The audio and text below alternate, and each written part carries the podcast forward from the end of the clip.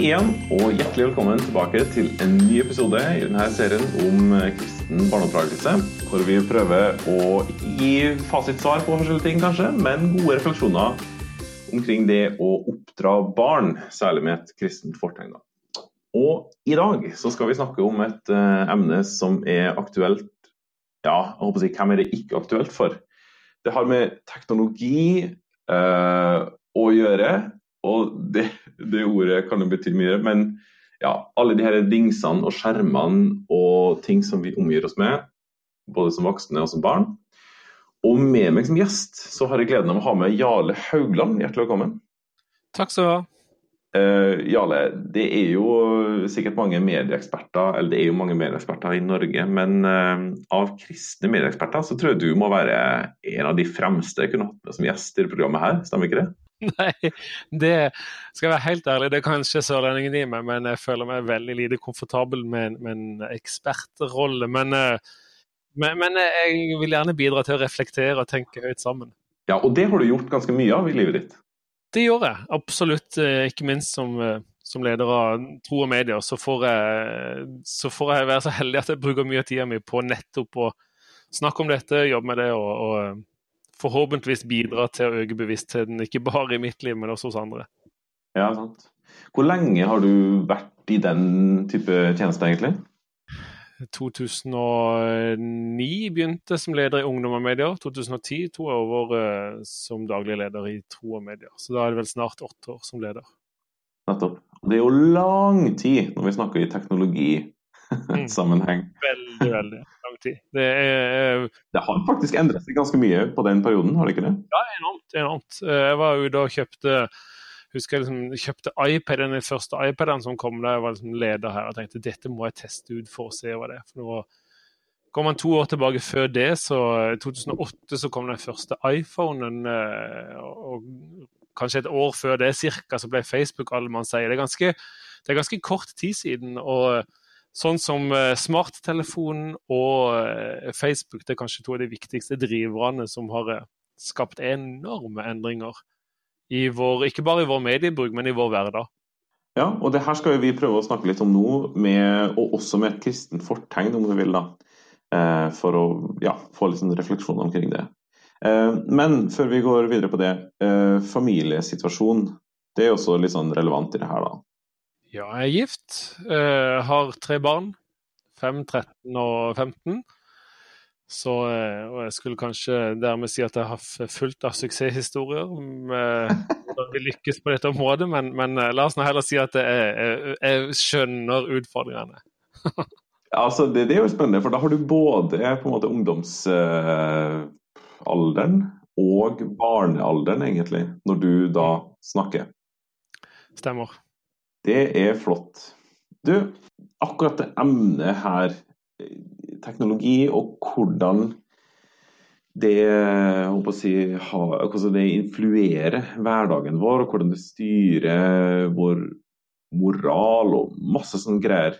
Eh, hvordan, hva er egentlig måte, status, kan du si litt om det, i samfunnet vårt? Hvor mye har det her å si for oss, egentlig, i en vanlig norsk hverdag? Ja, altså det, det, det første man må snakke om, er jo, se på er jo jo statistikk, da. Hvor mye bruker vi det? det? det? er jo lettere å si noe om det enn hvor mye preger det, vår, altså preger det oss. Eh, ja, det er riktig. Det, og da tenker jeg Det, det første er jo f.eks. er at internett er jo Og det er jo ikke noe sjokk, det er jo, det er jo allemannseie. Tallet fra Statistisk sentralbyrå viser at det, altså de, de, nyeste tallene eh, Nå kommer det nye om noen få uker eller noen få dager, tror jeg faktisk. Men tallene nå i 2016 så var det 89% som hadde brukt eh, internett en vanlig gjennomsnittsdag. Og da snakker vi om 9 til 79 år, altså heil, egentlig hele spekteret av befolkninga. Eh, TV er fortsatt ganske høyt, eh, 67 Eh, men har gått betydelig ned fra 2000, liksom, da var det 82 så, så TV går eh, nedover, men det er fortsatt en, en viktig del av en, en gjennomsnittsdag. Faktisk så er radio overraskende høyt. 59% har hørt eh, på radio en gjennomsnittsdag. Mm. Eh, og så har vi andre tidligere, men, men altså den store, store eh, greia her, og som, som, vi ser på statistikken, har gått ifra 1991 var det ingen på internett, 2000 så var det 27% og nå er det 89% og kanskje enda høyere i 2017. Så det er liksom denne ene, det, Hvis du ser det store bildet, er at uh, det er noen endringer. Papiraviser stuper noe voldsomt. Uh, og, og, ellers er det liksom internett som er den der. Hvis du hadde hatt en, hvis du hadde hatt en graf med forskjellige farger på alle disse her, så hadde du sett ei pil som hadde gått opp, opp, opp, mens de andre hadde hatt enten nedover eller småjustering. Og det er internett som er den store vinneren i dette bildet. Så, så det er den der overordna. Så finnes det en del interessante statistikker når det gjelder, eh, ikke minst når det gjelder ungdom, barn og unge. Ja. Ehm, for eksempel så sier tall fra eh, NOVA, eller, eller Bufdir, som har fått tall fra NOVA, altså Barne-, ungdoms- og familiedirektoratet, mm. sier at uh, 9-15-åringer bruker i snitt to timer på internett hver dag. Uh, mens en tredjedel bruker over fire timer daglig foran skjerm utenom skoletid. Det er, det er mye. Fire timer daglig utenom skoletid foran skjerm. Én av tre barn og unge. 40% av 16-årige jenter har siste året blitt utsatt for uønska seksuelle kommentarer på nett. Der ser vi nok og Der begynner vi liksom å synse igjen, men det er jo, det er jo innlysende at pornografien har blitt enormt mye mer tilgjengelig. Uh, det har gitt oss en pornorevolusjon, mm. også nedover i alder. Og det er dessverre i større grad også med å influere hvordan Eh, vi oppfører oss overfor hverandre. Det ser vi også med, med nagenbilder. Tall fra Medietilsynet sier at 13 eh, av unge mellom 13 og 18 har delt nagenbilder av seg selv siste året. Da snakker vi frivillig deling? Eh, ja, det er et godt spørsmål. 37% av jentene opp, sier at de opplever seg pressa til å gjøre det. Eh, ja, okay. så, men, eh, men, det starter ofte det, En hører at det starter ofte med, med liksom en Enten at du deler det med kjæresten din og tenker at det er jo verdens snilleste, eh, og, så, blir det mm. slutt. Og så oppstår på en måte problemene, selv om vi kan si at problemene oppstår i det øyeblikket de sendte et nakenbilde. Men eh, ja. 15-årige jenter, 20% oppgir der. Det er liksom det høyeste tallet. 20% av 15-årige jenter har delt et nakenbilde av seg selv siste år. Det er, ganske, det er ganske betenkelig, eller veldig betenkelig. 25% av 18-årige gutter Eh, og så har de nok en litt ulik drivkraft i å gjøre det, mens eh, en del gutter gjør det nok for å søke spenning og for å få noe tilbake, eller et eller annet sånt ting. Også, mens, mens, jentene I stor grad handler det ofte om å, om å bli sett og anerkjent. Altså Kanskje de hørte en eksempel en som sa at du begynner som åttendeklassing på skolen, og så en ny skole, og så kommer en tiendeklassegutten og, og viser deg oppmerksomhet osv. Og, så og, og, mm. Og i det bildet så, så får han deg til å sende det nakenbildet, og så viste det seg at han var ikke så han var ikke så interessert i det egentlig, det var egentlig bare det bildet han ville ha. Mm. Så, så, så, så, vi ser nok at pornografi er dessverre med å, uh, preger måten de oppfører seg overfor hverandre på. Og så er det en annen ting, da, da vi tar et, en annen statistikk som også er interessant å få med seg, der vi ser at tallene der guttene eh, bruker mest tid på spill, eh, mens jentene bruker mest tid på sosiale medier. Det er jo en sånn eh, ganske tydelig, uh, tydelig i statistikken at det her er det Det, det er jo klart det er jo ikke sort-hvitt, det er mange jenter som bruker mye tid på spill, og gutter er på sosiale medier. Men, men, men, tallene viser at det her er det definitivt høyest andel av gutter som er på spill, og jentene er på sosiale medier. Så guttene kjører litt mer sånn individuell stil på det? Ja, det kan du si. Samtidig er det veldig mange spill som har det sosiale aspektet i seg. Ja, det er sant. De spiller mye sammen, og, eh, og, det er jo en annen ting vi ser på, på statistikkene. Eller at gutter eller eh, barn og unge de er mer hjemme enn tidligere. Og da skulle vi jo kanskje tenkt at å, det var fint. Mm. Og det er jo noen fine aspekter med det, for vi ser at altså mye av det ungdomsopprøret som, som, har preget, som også har gått ut i kriminalitet eller rusbruk, det, det går jo nedover. Ja, ja. Så de er jo på mange måter mye snillere enn de var før. Fordi de sitter hjemme, altså blant annet fordi de sitter hjemme og, og eh, de har mye kontakt med hverandre på sosiale medier. Mm, uh, Der mener nok jeg personlig at det utfordrer oss som det å være et menneske av kjøtt og blod, og hvordan vi bygger relasjoner, hvordan vi former identitet. Uh, den kan ikke bare formes fra gutte- eller jenterommet, den må formes i, i, kontakt med andre og i, i den Eh, så, så, det er noen eh, Ja, det, det, er på en måte det Skal vi si at et slags et blikk inn i statistikkene. og det viser oss i hvert fall at eh, skjermer er blitt en utrolig er, og det er jo heller ikke noe sjokkerende, men skjermer er en utrolig stor del av vår hverdag. Ja. Og det andre er at eh, vi trenger noen tydelige Altså vi trenger ryggrad og integritet for å bære det på en god måte, eh, og en trygg identitet. Og så tenk, Det er bare en sånn liten refleksjon som jeg gjør meg sjøl her, da. Men når jeg gikk på ungdomsskolen og var 13-15 år, det var da mobiltelefonene fikk Snake. Ja. Nokia 3310. Ja. ja, jeg hadde aldri den sjøl. Jeg kjøpte faktisk 7110 med sånn Matrix-funksjon hvor du slo ned dekselet foran eh, liksom, ja, avslørte tastene. på en måte. Ja, riktig. De var veldig kule. Var... Veldig kule. Jeg investerte faktisk. Drøye, drøye penger, er mulig. Eh, men iallfall eh, Det som på det, den tida var eh, Eh, nå spoler jeg litt tilbake til det som du sa med eh, å dele nakenbilder, særlig. For det er sånn, En ting er at det er veldig utleverende, men det tror jeg på mange måter at ungdomskultur alltid har gjort. Man har hatt en eller annen type utlevering eh, overfor hverandre. Men utleveringa nå stikker i min refleksjon igjen da, mye dypere og går mye lenger inn i personligheten uh, uten at man tenker over det når man gjør det, enn det man gjorde før. Fordi at utleveringa på ungdomsskolen for min del var jo å sende lapp uh, i timen. Uh, og det føltes jo forferdelig skummelt og litt sånn spennende og litt sånn der greier. sant? Men det er jo en vesensforskjell mellom det og å sende ut et bilde av, av kroppen din, rett og slett. da. Ja, jeg tror du har rett både i at det går dypere, og så går det uendelig mye lenger ut. Ja, for det var, ikke, det var bare noen få som så den lappen. ja, det var det, og det var i verste fall så var det hele klassen. Eller kanskje til og med hvis det var liksom helt sprøtt, så, så, kunne du liksom bli utlevert til, til hele skolen. og Det, det, det var ganske vondt. Men eh, utbredelsen er enormt mye større. Det, det, andre, og det tredje er at det er blitt brutalisert så mye. fordi ja når du flytter kommunikasjonen fra mm, den analoge virkeligheten, der du eh, Om du er til stede eller iallfall blir snakka om, så, så, så, er det likevel noe i det digitale som gjør at terskelen for hva man sier og skriver, den, den senkes. Eh, og du kan ikke se eh, mottakeren, hvordan den opplever det. Mm. Uh, ja. Og det er akkurat som at vi, vi har et mye, mye dårligere filt sitter der, eh, og ting som blir skrevet og sagt på nett, ville jeg aldri ha sagt ansikt til ansikt. og I digital mobbing så hører vi jo gjerne ja, men det var ikke sånn jeg mente det. Eh, altså, De hadde aldri tenkt at det skulle gå så langt. Mm. Eh, men, men, det har liksom ingenting å si når den personen på andre side opplever at dette var rett og slett virkelig vondt. Her mm. har jeg ingen kontroll.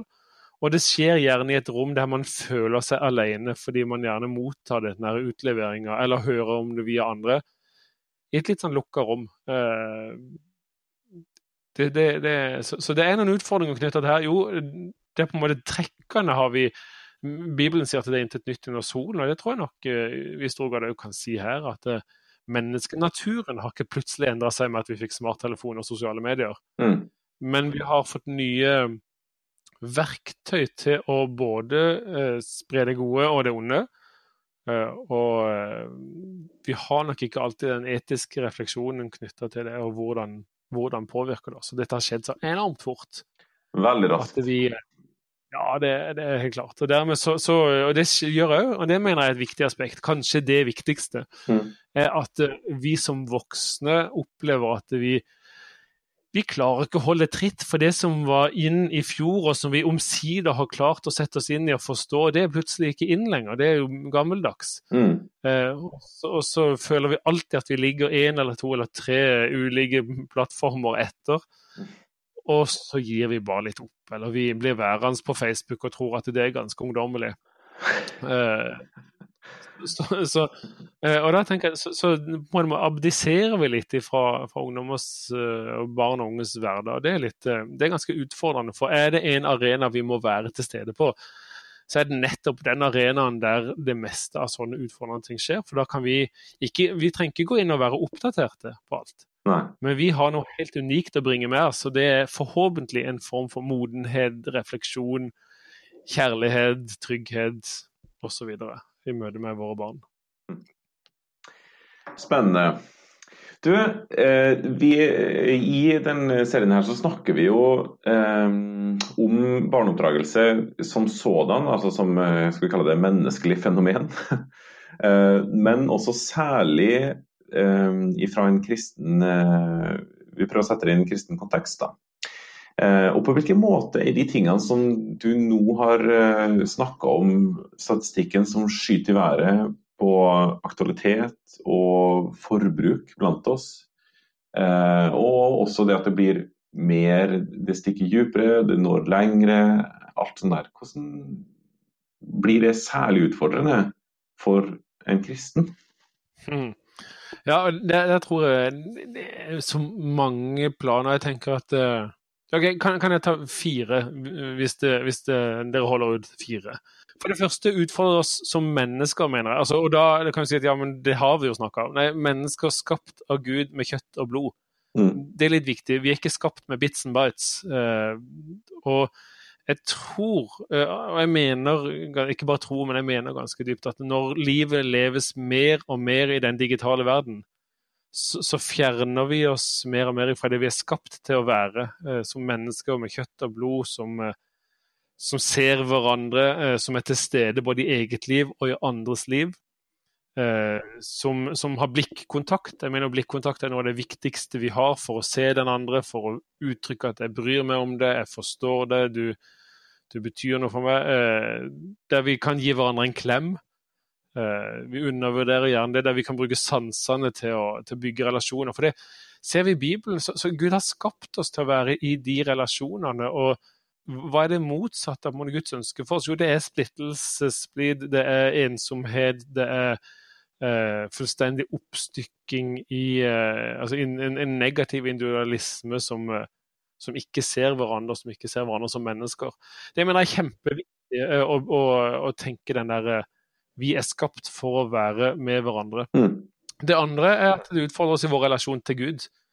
Eh, på mange måter. Men teknologien eh, som skaper eh, distraksjoner, som skaper avhengighet, det må være litt obs på. at det, det, Ikke minst sosiale medier er skapt for for å få oss til å bruke mye tid der, for å få oss til å komme tilbake. altså det er designa om det er likes eller kommentarer eller osv. Eller mm. dager på Snapchat. altså de, de lager de for at vi skal være der, og så, og så har vi push-varslene på mobilen. Livsfarlige Det kan være nyttige verktøy når vi skal vite at vi har fått en melding, men livsfarlige fordi de er med og utfordrer stillhet, utfordrer refleksjon, de utfordrer tilstedeværelse hos Gud.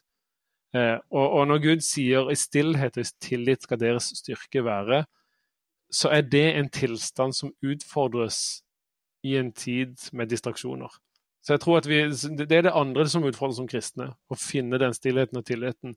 For øvrig så, så sier han i, i Jesaja 30, i dette verset, at så, så, slutter det med 'men dere ville ikke'.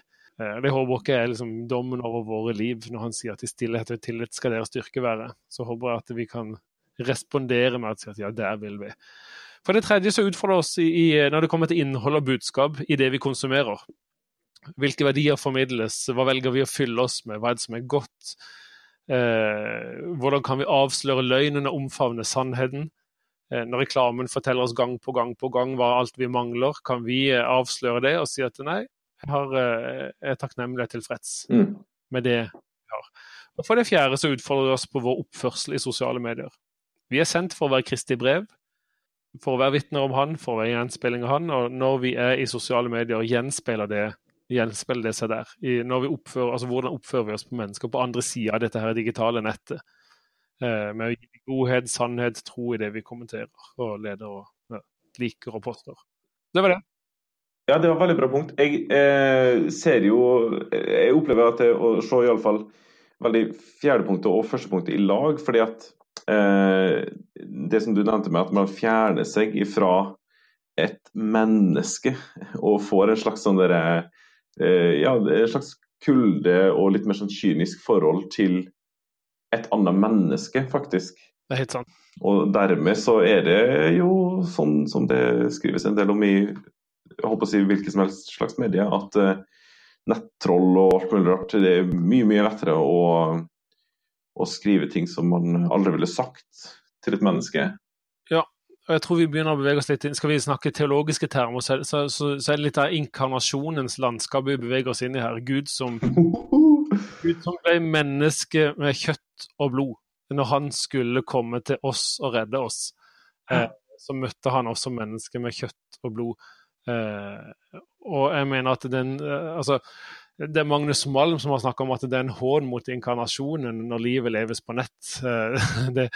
Eh, det, men han har, et, han har, et, poeng. Altså, jeg mener at vi som, som mennesker, og oss som Jesu etterfølgere, skal være den som kommer andre i møte som mennesker med kjøtt og blod. I det øyeblikket vi fjerner oss fra det, så, så, så skjer det noe, og vi mister noe gudgitt i vår omgang med andre mennesker.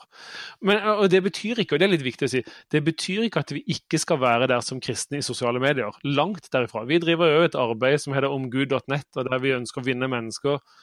Men, men, det er ikke det eneste. Altså, Vi ønsker å vinne mennesker på nett, og så vil vi føre dem inn i et lokalt kristent fellesskap. Fordi vi ser at det, det er halv... Altså, det, er ikke det, der, det er ikke det vi først og fremst er kalt til å leve i, disse her bitsarbeiderne. Så, så ja, ja, til kjøtt og blod, gode klemmer og tilstedeværelse og blikkontakt.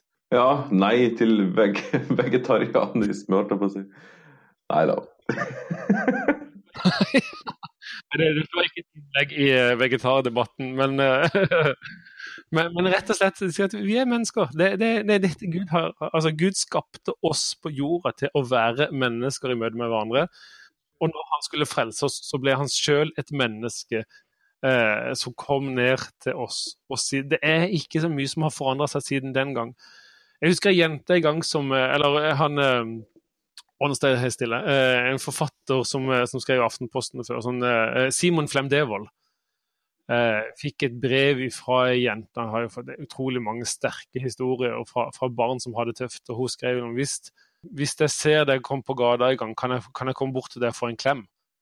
Eh, fordi det var, det var, sånn, det, det var sånn fravær av ting i livet hos dem som sier at jo, Gud, måte, Gud er jo med, som du skriver, sier, men, men, Gud er jo ikke en som går rundt og gir klemmer. Mm. Og det, det, setter litt sånn perspektiv på ting. og sier at OK, kanskje eh, Kanskje vår måte, eh, tilstedeværelse i andres liv kan være måte, som en klem fra Guds. Uh, selvfølgelig med, med, respekt for altså det, det, handler om hele respekten for mennesker, og hva de ønsker, og, og grenser og soner og alt sånt, intimsoner og alt sånt. Det er ikke det. Men, men denne, denne eh, For eksempel en annen ting som er utrolig trist. I Japan så finnes det flere sånne klemmekafeer. Ja.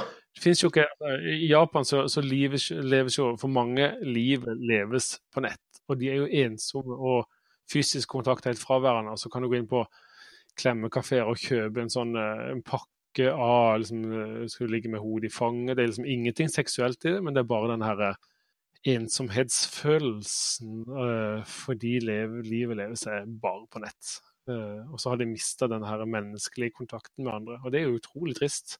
Mm. Så ja. Ja.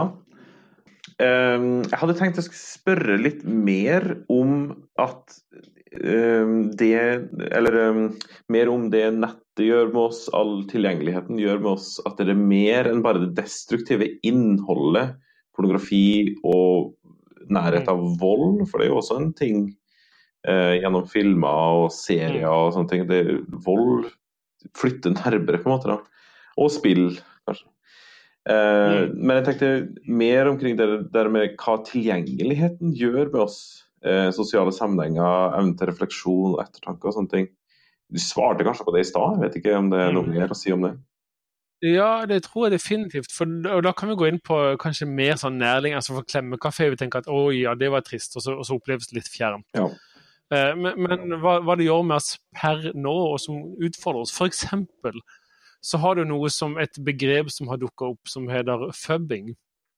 Eh, som kommer fra altså phone og snubbing, som betyr å måtte avvise noen i en sosial sammenheng. Eh, og, og fubbing blir det når, når, du avviser noen i en sosial sammenheng ved å se på telefonen din. For, har, har du f.eks. vært i en samtale der du står og snakker med en person, og så får vedkommende en melding Og han begynner da å se på telefonen istedenfor, uh, for hva det var den meldinga var. Det er å bli fubba, og det irriterer meg grenseløst. Og jeg mener det kan være ganske liksom, ufarlig i de fleste tilfeller. Men det er allikevel en trend som er ganske krevende. Jeg husker jeg satt på kafé en gang og snakka med noen. Plutselig så begynte vedkommende å surfe på mobilen. Og, og, og det sender ganske sterke signaler om at eh, vår kontakt med hverandre er faktisk ikke så fryktelig viktig. Det finnes noe annet som er viktigere der ute.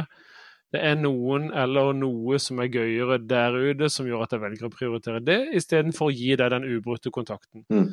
Istedenfor å gi rom til disse her eh, pustehullene. Altså, når, når, en samtale stopper litt opp, om det skulle skje, ja, hva gjør vi da? Altså, gir vi rom til den der litt sånn av og til krevende stillheten, mm. ofte en god stillheten, men, men allikevel noe der som i det rommet der så kan det av og til skapes noe nytt, der man kan gå litt dypere eller ta noen nye veier som man ikke hadde gjort ellers. NRK har en sånn teknologiblogg som er NRK Beta. De skrev en gang at smarttelefonen har sniksparklet igjen livets små pustehull. Eh, det synes jeg er veldig godt sagt. Og det handler litt om, det handler om denne tilstedeværelsen i andre menneskers liv. Og, og vi må slutte med fubbing. Og, og, når vi sitter på eller står og venter på bussen og kanskje ser at oi, nå er det syv minutter til bussen kommer, det er jo kjempelenge. Mm. Kanskje man skal velge å ikke se på mobilen, men uh, høre på fuglesangen som, som, var der. Eller uh, se litt på menneskene rundt den, og kanskje også til og med be for dem. Mm. Uh, det, og det er jo noe med å tenke en tanke ferdig. Mm. Det, det, for det finnes ting som ikke kan altså, uh, Ting går jo kjappere og kjappere. Og, og, og dette her landskapet her har gitt oss uh, jeg, jeg tror det er Thomas Hylland Eriksen som snakker om dårligere tid. Ikke i betydning mindre tid å, å rutte med, men, men, dårligere kvalitetsmessig tid. Fordi han blir så oppstykka i mindre fragmenter. Mm. Alt går kjapt, for du kan jo gjøre alt det her kjappe, og så finnes det noe som bare kan gjøres sakte. Eh, om det er å bygge et ekteskap, eller om det er la et tre vokse opp, dyrke et tre fram, eller om det er relasjoner eller refleksjon, modenhet. Livsviktige ting for å takle å leve i en verden omkring oss, eller finne en trygg identitet. Mm. Sånt tar tid. Og det utfordres når, eh, når, vi stadig får mindre fragmenter av tid, når vi stadig får distraksjoner eh, rundt oss. Så det er kanskje noe av det som er en, sånn utfordring for oss å gi rom. Vi, vi snakker om f.eks. skap skjermfrie soner og perioder eh, i, i, livet. Vi hadde skjermfri uke nettopp i Tro og Medier. Og det gjør vi med litt sånn glimt i øyet og utfordrer folk til å ta en sånn digital avrusning. Men, men, eh, men jeg mener det er utrolig viktig, og det ligger noe ganske alvorlig knytta til det når blikkontakten forsvant. og, og vi mista evne til å tenke en tanke ferdig, for vi begynte å kjede oss før vi hadde han liksom, eh, før han var omme. Ja, så merker jo, For min egen del så er det veldig gjenkjennelig, alle de tingene her. Altså, for det er jo eh, et, og jeg, er sånn relativt eh, midt på treet bruker, vil jeg tro, egentlig, av sosiale medier og sånne ting. Jeg har ikke alle typer kontoer som en del har, men jeg har noe av det. Og det er utrolig lett og på en måte skjene over på noe som ja, alltids kan oppta tanken min og gi eh, eh, det jeg vil kalle lett og relativt grunn underholdning. Mhm. Men som jeg nesten aldri, så godt som aldri, sitter igjen etterpå og tenker wow, det var bra jeg gjorde det. Er det mulig? Altså, det var utrolig god bruk av tid. Eller eh, nå fikk jeg et nytt syn på en eller annen ny idé eller motivasjon i livet. på en måte. Altså, det, det, er liksom helt, det blotter for det. Nesten, det er så godt som aldri at jeg sitter igjen med den opplevelsen og følelsen. da. Ja, og det er en interessant refleksjon. Og så må vi jo selvfølgelig si det finnes godt innhold, og det finnes definitivt noe som er verdt å få med seg, verdt å se. Og, og det er nok en grøft som òg kan gå i det der å og, og, på en måte skape en sånn eh, negativ følelse av det meste. Fordi, og det, det pleier jeg å si når jeg er ute. Skap gode medieopplevelser sammen med barna. Ja. Eh, jeg mener det, det er, Du kan si f.eks. 'Mesterens mester', bare for å ta et eksempel fra vår familie. Det er jo ikke liksom denne her serien som gir den voldsomme dybden og perspektiv og, og alt sånne ting. Men det er med å skape en god opplevelse sammen. Vi kan glede oss over å sitte og se det sammen og ha den tida på, på, tvers av både interesser og alder i vår familie. Så, mm. så opplever vi det samlingspunktet. Og, eh, eller å spille dataspill sammen med sønnen min på, på 13. altså det Eh, eller på han minstemann òg. Altså, det er noe med å skape, ikke bare skape den der skamfølelsen og alt sånt. Men ja, vi, vi, kan gjøre noe sammen. Men når det er sagt, det er nesten litt sånn som å si at en skal være litt varsom med hva jeg sier, men jeg sier det allikevel. Så får jeg tenke at dette er bare en podkast. Ingen ja. holder med ansvar etterpå. Nei, selvfølgelig ikke. Men det er litt som en, jeg mener det er verdifullt å gå på McDonald's av og til, eller andre eh, lignende saker. What? ja, men ikke pga. Ikke på grunn av næringsinnholdet i maten. Nei. Eh, men pga. opplevelsen det er å gjøre det sammen. Og, og eh, så sitter han der etterpå og tenker at dette var jo ikke verdens sunneste mat, men vi har hatt faktisk en veldig god opplevelse sammen. Eh, om det er McDonald's eller andre steder. Mm. Så, så, jeg tror det er litt det samme at vi, vi eh, ja, La oss nå gjøre det innimellom for å liksom, skape den der gleden og det gode. og så, så at Det er jo en del av, en del av bildet, da. Mm. jeg. Dessuten så tror jeg den milkshaken er veldig sunn, egentlig. Den er faktisk utrolig god. Ja, det er kanskje mest det. Ja, det, det i seg selv er sunt. Ja. I, ok. Du, utrolig masse bra refleksjoner. Eh, jeg følte nesten at det ble litt uh, Lytteren må nesten sjøl relatere det her inn mot selve barneoppdragelsen. Men en viktig ting som jeg har tenkt på i forbindelse med det her, som jeg har liksom hørt en, iallfall en podkast om, og skrevet en god bok om det og sånn, er jo at hovedanliggende her, i første og fremste grad, så er det jo foreldre sjøl som å få et reflektert forhold til sin egen mediebruk. Mm. Og Hvis ikke så kan du bare glemme å ha en eller annen type eh, påvirkning eh, til dine barn eh, som skulle finne på å være positiv. Eh, det må jo være et integrert hele også her, når man skal ha med sine barn å gjøre, altså. Ja, og det er det som er både fantastisk og frustrerende. Fordi det er fantastisk i betydning at det er, det er faktisk ens eget liv. Og jeg tenker at ok, det er kanskje på en måte enklere å gjøre noe med, for det er meg som er nærmest meg sjøl og kan utfordre meg sjøl på mine valg og, og si at ok, har ha det noe å si for mine barn? For en går jo som regel litt mer bekymra for hvordan fremtida for sine barn skal gå, for vi tenker at ja, men det går greit med meg. ja. Eh, men vi er ganske bekymra for våre barn innimellom. Eh, og så tenker jeg det var jo litt godt å høre at hvis jeg tar noen gode valg i mitt liv, så, eh, så, kan det være med å gjøre noe. Og det tror jeg er enormt viktig. Du kan ikke snakke med troverdighet og integritet hvis ikke du sjøl lever det. Og hvis ikke du sjøl lever det med, med glede òg, og finner det som en sånn eh, takknemlighet og tilfredshet i dette livet som, med gode medievalg, så tenker jeg det, det, det er det fine. Men det frustrerende med det er jo at det er nettopp det er nettopp ens eget liv, og det har jo ikke så fryktelig lyst til å endre ens egne vaner. Mm. Da er det nesten enklere å sette noen grenser for ungene, da. Men uh, jeg tror nesten det er nødvendig å gjøre det. Jeg mener nok det at vi uh, Er det noen her som, uh, som, vi skal begynne med, så er det nok oss sjøl. Å modellere noe som man Som ungene har lyst til å følge. Mm. Og her tror jeg vi rett og slett bare må først og, fremst, eller først og sist anerkjenne at det krever energi, det krever eh, bevissthet, og det kommer ikke slumpende inn. For det er akkurat sånn som du sa tidligere en eller annen gang for en stund siden, tror jeg, at uh, de her mediene er jo laga for å bli brukt. Altså, uh, og selve app appene og de sosiale mediene er jo designa for det. De vil skape tilbakevendende eh, bruk. Og selve dingsene i seg sjøl legger opp til det med push-varslinger. Eh, at du blir avhengig av telefonen din, er jo ikke helt tilfeldig, for å si det sånn. Så det å tenke at standardinnstillingene på telefon og standardinnstillingene i eh, en app eller sosiale medier sånn, er det som på en måte Ja, det det klaffer jo fullstendig fint med det å være en Jesu Kristi disippel på alle områder av livet. Det er jo i beste fall utrolig naivt. Det er nok det. Jeg tror Det er litt interessant å se på en, en smarttelefon. Den er i utgangspunktet ekstremt flat i strukturen. Det er ingenting som forteller det en, at det ene er viktigere enn det andre. Det er liksom ikonene for appene. Noen prøver å finne en farge som gjør at han stikker seg litt ut, men det er veldig, det er ikke noe som forteller oss om hva som er viktig og uviktig, eller kanskje, kanskje nettopp den største utfordringen er å klare å skille mellom det viktige og det interessante. Ja. Eller, eh, eller det nødvendige og det artige.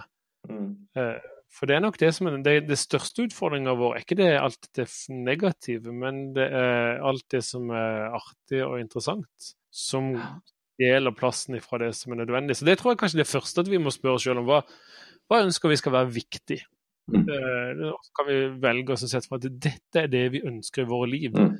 Som kristne så skulle jeg ønske at vi kunne ta et sånn tydelig valg og si at jeg ønsker å følge Jesus, ønsker å, å drikke av hans kilder, ønsker å, å leve sånn at en kan komme sånn at jeg opplever å forstå litt av Paulus når han sier at for meg er livet Kristus og døden en vinning. Altså han, jeg lengter etter å bryte opp og være sammen med Jesus, for det er så mye, mye bedre, sier han. Mm. Og Hvis vi kunne kjenne litt etter hva er det han har fått tak i som, eh, som gjør at han har den lengselen i seg, den har jeg lyst til at vi som kristne skal vekkes. Fordi, fordi vi har definitivt nok av aktører. Liksom, en ting er at telefonen er flat i utgangspunktet, men i neste skritt igjen så er det masse av disse aktørene bak appene som prøver å slåss om vår oppmerksomhet, som vi sier. og Mm.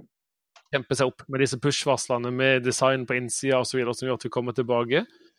Og så fylles det opp sånn at det, og det står i veien for lengselen etter Gud. Mm. Det er noe med den her eh, Det er interessant å si i, i altså Femte Mosebok 6, 7 og 8 er virkelig verdt å lese. Eh, Der Israels folke står klart til å gå inn i det lova land. Og så eh, det er en overflod. Og sier at når dere, og så sier han at når dere får alt dette altså Parafrasert, da. Når dere får alt dette som ikke dere har gjort noe for. Dere får da med velstand, overflod. Flyter av melk og honning, det har jeg aldri helt skjønt at det er så bra. For melk og honning er vel stort sett når du er forkjøla, da. Eh, Men, men, men allikevel, det er noe kjempefint. Og så sier han når dere kommer inn her, se da til at ikke dere glemmer Herren deres Gud som førte dere ut av Egypt, ut av trellelandet. Ja. Eh, Altså, det skjer når vi kommer inn i en overflod som gjør at vi kjenner at ah, det, det er en eller annen slags eh, det- skal vi kalle den åndelige hukommelsen forsvinner litt i overfloden. Mm. Eh, Den åndelige lengselen, tørsten etter mer av Han som har alt. Eh, Og så vender vår hjerte seg sånn gradvis over til andre kilder som vi, som vi kanskje morer oss til døde med, som eh, Neil Postman skrev i en mediekritisk bok på 80-tallet.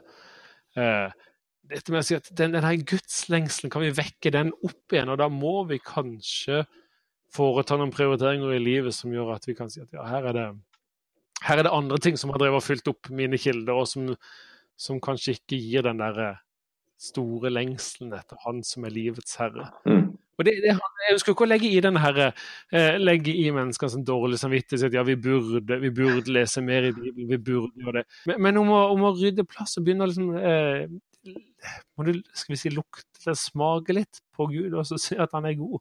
Mm. Se opp til han. altså Det handler om blikkontakten. Eh, om man skal se ned i skjermen eller se opp til han og stråle av glede, står den om. Altså, Salmons bok de er så fulle av altså, eh, både av klare alle følelser, men også av den der boblende begeistringa over når den dype lengselen ble møtt av Han som har alt. Altså, da, la meg ete overfloden i, din hus, i ditt hus, står det, og la meg drikke av gledens bekk. Kan du tenke Så fint. Mm. Eh, Så, så det mener jeg jo at det, det må vi finne tilbake igjen. eh, Og, og vi vil ha så enormt mye igjen for det. Og ungene altså, Gleden i Herren er deres styrke, står det om. Tenk hvis det er det ungene kan definere, si at det, vi skal forklare mamma og pappas liv og Guds liv. Jo, jeg opplever at gleden i Herren er deres styrke. Det, det, det har jeg lyst til at mine barn skal si om meg når jeg blir voksen. Mm. Gleden i Herren var pappas styrke. Eh, Han var glad i Jesus, og han lærte meg å bli glad i Jesus. Du hører at jeg er litt eh, engasjert nå. Ja, men det her er jo fantastisk. ja, men det, dette er jo med å sette så viktige på en måte, eh, Det med å bygge en så utrolig viktig grunnvoll i, i møte med mennesker Eller i, i møte med omgivelsene for barn og unge. Jeg mener at eh, Og det kan godt være at jeg løper langt foran henne, men altså eh, Skal vi gi noe til barn og unge? Jo, vi skal gi dem mediebevisstgjøring, og vi skal lære dem å ta gode valg, og vi skal være bevisst på innhold og tidsbruk og alt dette. Men under dette så mener jeg at det handler om å skal vi si, gå med dem fra Edens hage til Golgata og gi dem en trygg identitet i hvem de er, som skapt i Guds bilde, elska han, og til tross for sin synd elska Jesus ga sitt liv for dem og, eh, og gjorde dem til sine barn. Eh, Mm. og, leve i den her La de drikker den, finner den begeistringa. For det, det vil gi dem et vern mot det negative, og det vil gi dem òg en forhåpentlig en, en åndelig sans og evne til å kunne gjenkjenne det som er godt i dette landskapet. For det er masse som er godt. Mm. Så det, vi må få leve ut den lengselen i våre liv og vekke den i våre barn. Amen. Jeg, neste spørsmål som jeg skulle stille, er jo hvordan man kan eh, på en måte ja, ta det her Altså hvor finne kilder til å tenke videre på det her og liksom ja, få enda litt flere perspektiv og bevissthet omkring det. Og da har jeg jo bare, før du kommer med noen gode tips der, sikkert eh, lyst til å si at det er jo igjen Bibelen og Guds ord som er kilden med stor K i denne sammenhengen. For ut ifra Guds liv er det jo der alt Det er jo han som er kilden.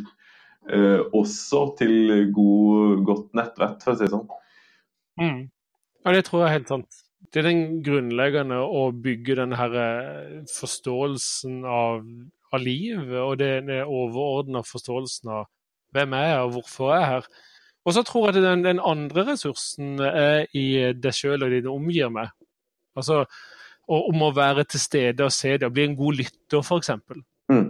Uh, skape skjermfrie soner der vi er til stede i barnas liv. La måltidene det er en sånn kampsak for meg. La måltidene være skjermfrie, Ja. f.eks. Det, er- det er en viktig arena. Kjempeviktig arena. Det er ofte det stedet der man eh, der man kan være sammen i en travel hverdag. Eh, prøve å prioritere det siden den, de, de spiser vi sammen, eller i hvert fall ett eller to måltider. Og så eh, å være til stede på dem. Det, ja. Og så, så tror jeg nok, så er jeg såpass frimodig at jeg mener at Tro og Medier, som er leder, og har en del gode ressurser i nyhetsbrev på e-post. Eh, vi har gratis blad folk kan få, som bidrar til en del av disse refleksjonene, som tar opp disse temaene innimellom.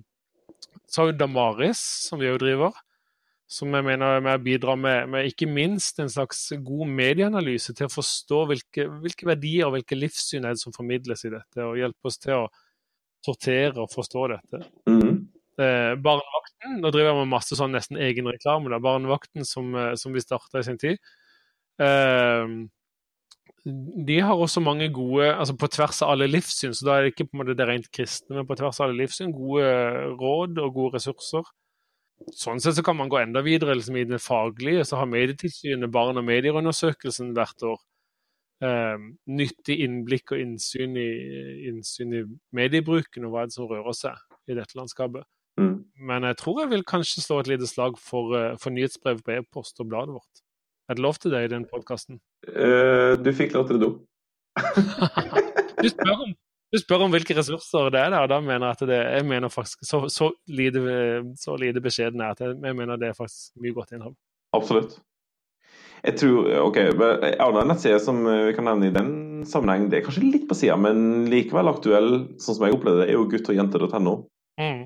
Ja, Da er det jo særlig den jeg håper å si, kropp og seksualitet og de tingene. Men det er jo en stor del av eh, særlig kanskje ungdom, da, eh, når vi kommer så langt. Det er helt sant, og dessverre yngre og yngre. Så, så gutt og jente er sider som er viktig. Helt fri som en del av tro og medier sitt arbeid er jo vesentlig for pornografi. Er, er en, en, det er så tilgjengelig, de møter det ganske kjapt. Derfor så gjorde, I fjor så ga vi ut ei bok som er, det er jo kanskje noe av det sprøeste vi har gjort, nesten. Altså Det å gi ut ei bok for barn og foreldre om pornografi. Mm. En ting er å gi foreldrebok ut om det, men, halve boka er en historie for barn. Eh, tanken at foreldre skal kunne lese det sammen med dem. Og andre halvdel er Hva er heter boka igjen? Den heter 'Klikk her, Thomas'. Skrevet av Chris Dewey, eh, som mange kjenner fra Øystein-CD-ene. Første halvdel, barnehistorien, er skrevet av Chris. Eh, og foreldredelen med en del faglig innhold er skrevet av Alexis Lund, som leder Helt fri arbeid hos oss. Ja. Eh, kjempeviktig, for det er jo et vanskelig tema å snakke om. Eh, Det er ikke bare å sette seg ned og si at har du, har du sett på porno? Altså det, det, er en, det er noe som ofte er knytta til mye skam, det handler om det måte, private rom osv. men i det øyeblikket barn får et uh, nettbrett eller en mobil og disponerer det, så er, så er pornografien lett tilgjengelig. Mm. Uh, og da setter seg ned med litt senka skuldre og sier at uh, hallo, her er Altså, det er en menighet som kjøpte kjøpte en eksemplar til alle småbarnsforeldre. og Det er en god anledning til å si at denne boka har vi fått fra vår menighet eller vår, vår kirke eller vårt bedehus. Mm. Eh, fordi vi ønsker at vi skal lese sammen, for det er et viktig tema. Kan man lese barnehistorien og si at har du opplevd noe av det, eller har hørt noen som har opplevd noe av dette? og så kan man eh, så kan man få en god prat, ikke med skammen, pekefingeren eller sjokket om de har sett det, forferdelsen over at de syns det at de syns det er spennende, eller et eller annet sånt. For selvfølgelig er det spennende. Det er mm. klart at Gud har skapt seksualiteten kjempespennende. Uh, men det er noe med det pornografiske formatet som, som gjør det fullstendig feil. Men, men, vi må ikke spille, vi må ikke være sjokkert over at, eh, at det er tiltrekkende og tilgjengelig.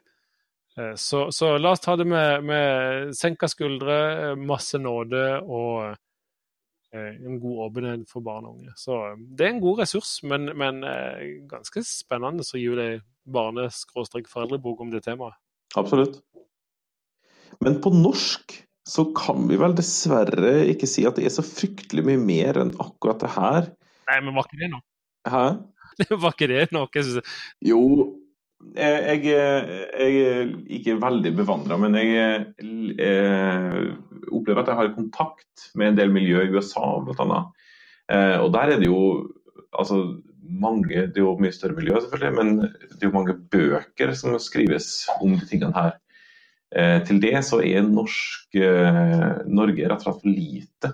Ja. Ja, altså, altså, for, for, all del, det finnes jo mange både kristne rettsider og andre ressurser hvor det finnes artik enkeltartikler og sånne ting som peker på det, og det løftes fram og sånn, for all del, altså. Men jeg opplever likevel at det, eh, du må på en måte lete godt da, for å finne de virkelig gode ressursene og refleksjonene. Ja. Mens hvis du utvider til et annet språk, f.eks. engelsk, så har du, da har du veldig mye, mye mer å velge mellom. Ja, det tror jeg nok. og det, det, er ikke sikkert det er så veldig mange andre språk enn engelsk, kanskje spansk. Men, men uh, dette handler jo både om størrelsen, det, har, uh, men det handler om at dette har gått så enormt fort. Ja. At det generelle uh, bevissthets- og refleksjonsnivået i kristenheten er dessverre ganske lavt. Det er ja. og dette handler om økonomi, om forståelsen at dette vil vi satse på, dette mener vi er viktig. Uh, og den er nok ikke veldig til stede uh, i kristenheten i verden, altså også i Norge, men, også i verden. fordi det, mm. Vi ser jo at de, de, ser til Norge. altså Lars og Margunn Dale, som er tilknyttet Damaris og mediehøgskolen, NLA Mediehøgskolen, ja. de, de, eh, blir spurt om å komme flere steder. Eh, Lars er jo en ressurs internasjonalt, en av lederne i medienettverket, Lausanne-bevegelsen. Mm. og det de opplever når de at det generelle skal vi kalle bevissthetsnivået og også ressurstilfanget på dette området er sørgelig lavt. Ja. Eh, så på flere måter så, så, er, så, er, det norske arbeidet, hvis du kan snakke om denne aksen eh, utdannelsen på NLA Mediehøgskolen i Hjemmekollen, eh, Damaris med sine analyser og Tro og Medier med sitt helhetsblikk, er nesten, ifølge Lars, på verdensbasis ganske unik. Mm. Så på flere områder så ligger vi ganske langt framme, men i akkurat de produserte ressurser når det kommer til bøker og andre ting, så, eh, så er vi ikke veldig langt framme, det bokmarkedet er ikke veldig stort. Men, men, men eh, jeg vil mene og tro at det som finnes, eh, er nyttig, og, og, vi har jo en ganske aktiv måte, møte- og seminarvirksomhet som er med å øke bevissthetsnivået rundt forbi. Alle de ressursene som vi nevnte nå, der ligger jo linker på foross.no i den saken som denne episoden tilhører også. da. Men, eh, Så det kan man klikke seg inn på. Men hvis man skal eh, snakke litt mer om det her, og på en måte ja, prøve å få det her refleksjonsnivået foreldre imellom, f.eks. For eh, mm. Hvor begynner man, og hva skal man snakke om da? Høre denne episoden i lag, kanskje? Eh, men er det noen andre ting som man kan tenke på?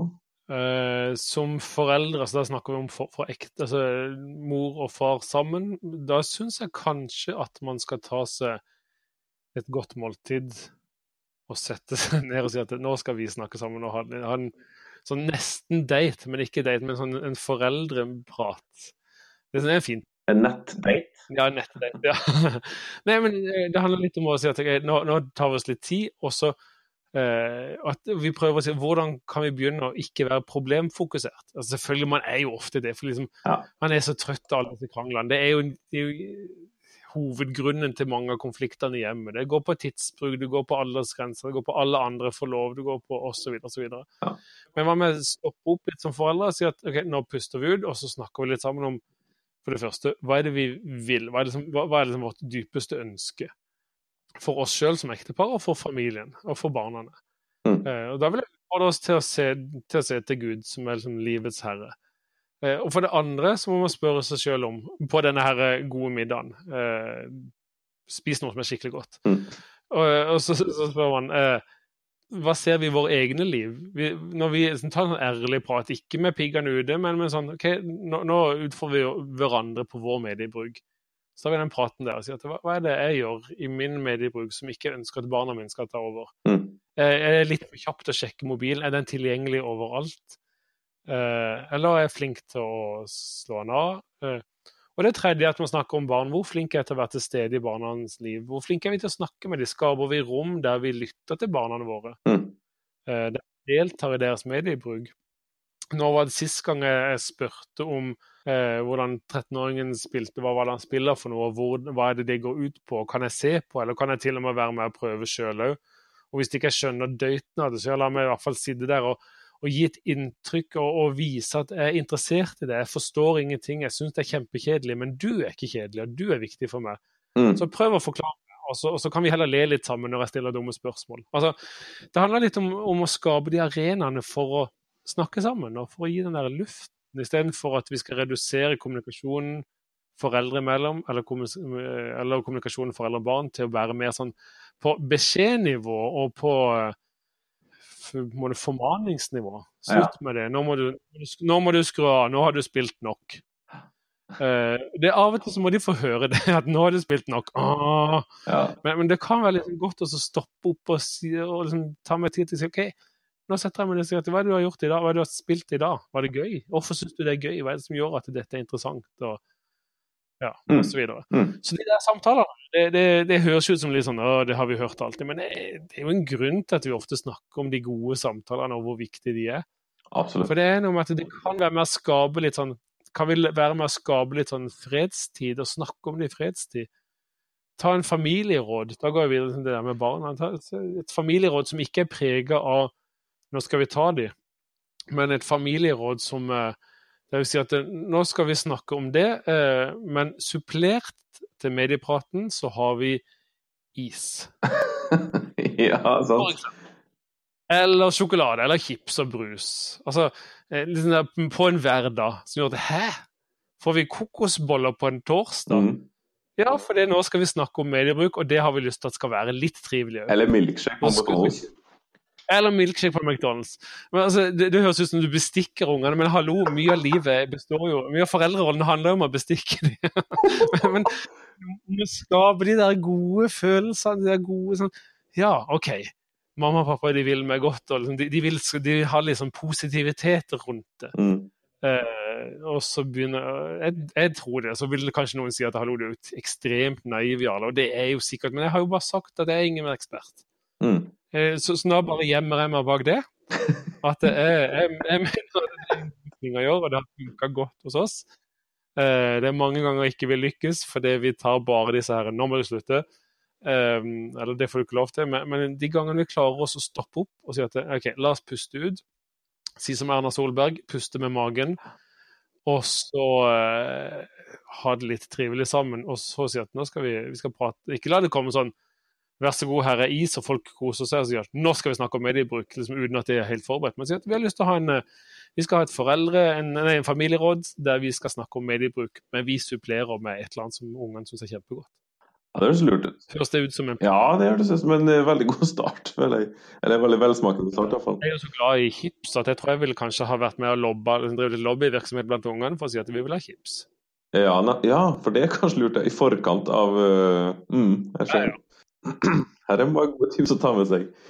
Ok, men eh, En siste samtalefora, på en måte, for det her tror jeg er veldig viktig du er inne på nå.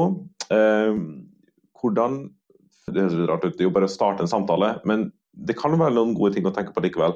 Med eh, vennepar eller andre foreldre. Mm. For det opplever jeg jo en veldig sånn styrke i å og ikke bare snakke om det vi to foreldre, for vi, jo, vi kjenner jo hverandre på en måte fra før og kan på en måte komme litt unna med ting. fordi at eh, Vi har ikke så lyst til å peke på den andre på det, for det vet jeg jo at jeg får tilbake igjen. på en måte, Så da kan jeg mm. ja, komme litt unna noen ting som ikke er fullt så behagelig, f.eks. Eller få utvida perspektivet litt. Og på den måten få samtaler med andre. da. Hvordan, uh, hvor og når og alt mulig rart. Er det middagen eller som er tidspunktet her igjen å invitere noen, eller hvordan uh, ja, Det er et godt spørsmål, fordi der er folk så forskjellige og er i forskjellige livssituasjoner og, og, og har ulike måter å omgås venner med. Men eh, eh ja, et godt kveldsmåltid etter ungene har lagt er jo selvfølgelig en arena. Men så kan en tenke at skal det være intensjonen med å invitere dem? Eh, eller skal vi ha et kveldsmål som prøver å finne et eller annet tidspunkt og si du, det har vi lyst til å snakke med dere om? Mm. Eh, det, kan, det, kan, man jo gjøre, eh, og, og, men det er jo en fare for at det blir på en måte de gode intensjoners uh, grøft igjen der det blir liggende der nede. Kan være, jeg kunne gjerne tenke meg hvis noen av de som hører det, kan gi noen innspill. Jeg vet ikke om dere har kommentarfelt eller, eller, mail eller et eller annet sånt der de kan gi det innspill. Det har lykkes hos oss. For det, det er vært interessant for meg å, å høre. Absolutt. En ting som er noen, noen, møter jo hverandre på i små grupper, altså i, i menighetssammenheng, i bibelgrupper, cellegrupper eller lignende.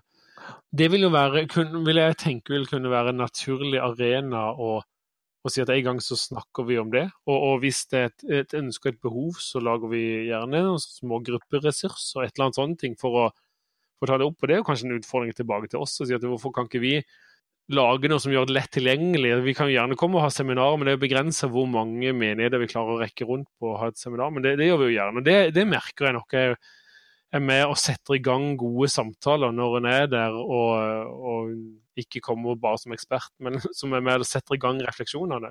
Mm. Og som hjelper foreldre til å snakke seg imellom. og Det er en god ting. Men eh, nei, kanskje, kanskje jeg vet ikke, det er, ganske, det er så lett å si det her, komme med enkle svar, men å sette det over i livet det, jeg tror nok at det vil være en styrke hvis menigheter kommer litt på banen og sier at dette ønsker vi å sånn, legge til rette for at også folk skal snakke om i smågruppene sine eller uh, andre sammenhenger. Men, men, også i de uformelle prater, selvfølgelig. Inviter noen på kveldsmat.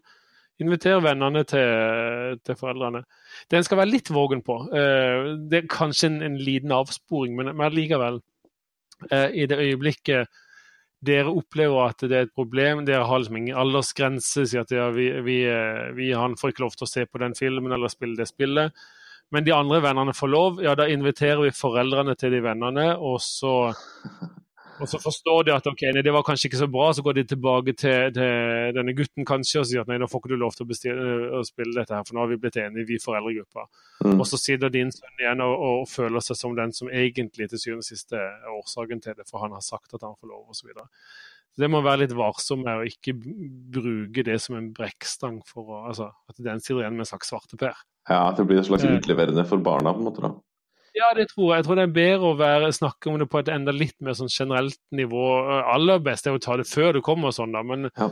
men, det er jo krevende med aldersgrenser, f.eks. For eksempel, fordi, fordi foreldre har en forskjellig ulik forståelse av hvor viktig de er. Mm. Og det andre er at uh, barn er òg ulike. En uh, en elleveårsgrensefilm kan godt være grei å se for en tiårig sønn sammen med sin far. Um, mens en 13-åring vil kanskje oppleve at ikke en klarer det fordi en er mer sensitiv, eller fordi et eller annet. Så, så ja. må, må, være litt sånn uh, må være litt raus i møte med foreldregrupper og ulike foreldres vurderinger, da. Men uh, det viktigste er kanskje å begynne å snakke om det. Mm, ja, det tror jeg òg. Og så ligger det jo Jeg skal ikke bruke tid på det, men det er jo en kime til ja, vi får det jo til eh, tankegang, eventuelt. Vet du hva, Hos oss så blir det jo bare roting. Eh, det her er en, det blir bare en kilde til eh, frustrasjon og dårlig foreldrefølelse. på en måte. Mm. For at eh, her er det jo ja, det er forskjell på hvor, hvordan folk håndhever ting og opplevd eh, suksess, rett og slett, i forhold til å ha regler og diverse ting. Det er helt sant. Ok, Har du noen sånne kjappe, gode råd som dere har opplevd at ja, vet du hva, det har faktisk fungert hos oss? Mm, ja, gode samtaler Jeg mener det er en sånn Kjapp om det er et enkeltråd, vet jeg ikke, men prøv å legge til rette i fredstid. Skjermfri uke har vært en god greie hos oss. Det er å stoppe opp, og det gir oss en god anledning til å, til å snakke om mediebruk. Og de skjønner at det, det er ikke fri konsum. Det, noe, det, er en grunn til at vi setter den stoppen. Eh, vi har forresten dessert hver dag i skjermfri uke. Uka før påske. Så det er en stund til neste gang. Skjermfri soner og perioder eh, er viktig, ikke minst skjermfri soner. Måltid er på en måte det tydeligst definerte hjemme hos oss. Det er ikke Og det funker greit. Og tydelige og forståelige grenser. Det er jo klart, det er jo kanskje det vanskeligste. og alt sånt, men vi, vi, snakker om det, og det kan godt være vi er for strenge. og alt sånt, Men, men eh, når, jeg tror barn og unge trenger grenser å forholde seg til og bryne seg mot, og kanskje òg av og til bryte. Mm. Uten at det blir helt forferdelig oppstandelse av det. Men, men, det er lettere å forholde seg til det enn litt sånn uklar misnøye. Mm. Uh, og så må vi vite at et nei krever alltid mer forklaring og tid enn et ja. ja. Så det var, det var, noen sånne punkter. Du, det er veldig god prat og utrolig mange ting. Eh, det sier litt om eh, både hvordan det engasjerer hos deg og meg. Men vi nærmer oss slutten, og jeg legger nå ballen klar for frisparket ditt, Jalle. Eh, og Hvis ikke det er feil, så vil du altså bake inn spørsmålet hvordan vi kan lede våre barn til Jesus, sånn at han følger han fortsetter med det også. Men vær så god, her frisparket ditt. Herlig. Og, og, eh, det kommer kanskje ikke som noe eh, sjokk at jeg har snakka om dette før, for dette engasjerer meg. Og jeg mener at I møte med mine barn så er det viktigste for meg å leve sånn at barna ønsker å følge Jesus at eh, lever ikke bare de, jo, også de verdiene som jeg ønsker mine barn skal ha, men at de skal se gleden i Herren i mitt liv, at de skal se Jesus-begeistring i mitt liv, at de skal se tillit til Gud i hverdagen min. Det handler om alle livets områder. Mediebruken, men også økonomien, tidsbruk osv. osv.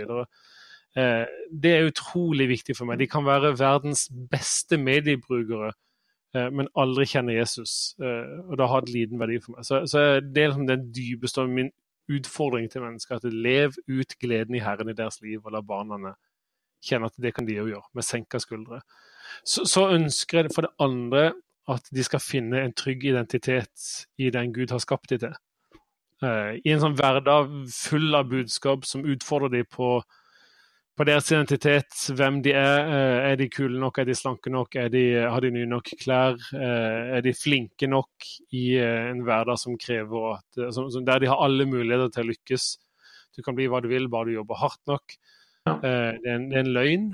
Hollywoods løgn er livsfarlig, mener jeg. Da har jeg lyst til at de skal finne en trygg identitet i Gud, senke skuldrene og si at det er en Gud som ser meg, som er nær meg, som har skapt meg, og som i min synd for hvis vi, kun, hvis vi kun beveger oss i Edens hage, mm. eh, så vil mennesker gå på en smell. Mm. Fordi de vil leve i sin hverdag at det er ikke sånn det er. Men i min synd så elsker Gud meg så høyt at han ga sin sønn for meg. Eh, det er nå kanskje det at kan vi være i det landskapet, tillit til Gud, Jesus' begeistring og trygg identitet, så gir vi det en enormt viktig ballast, ikke bare for livet, men også en vei inn i evigheten. Fantastisk. um, Jale, Tusen hjertelig takk for uh, alt som du har uh, tatt oss med inn i. Du er jo selv aktiv i det nyhetsbrevet som du nevnte tidligere i Tromedie.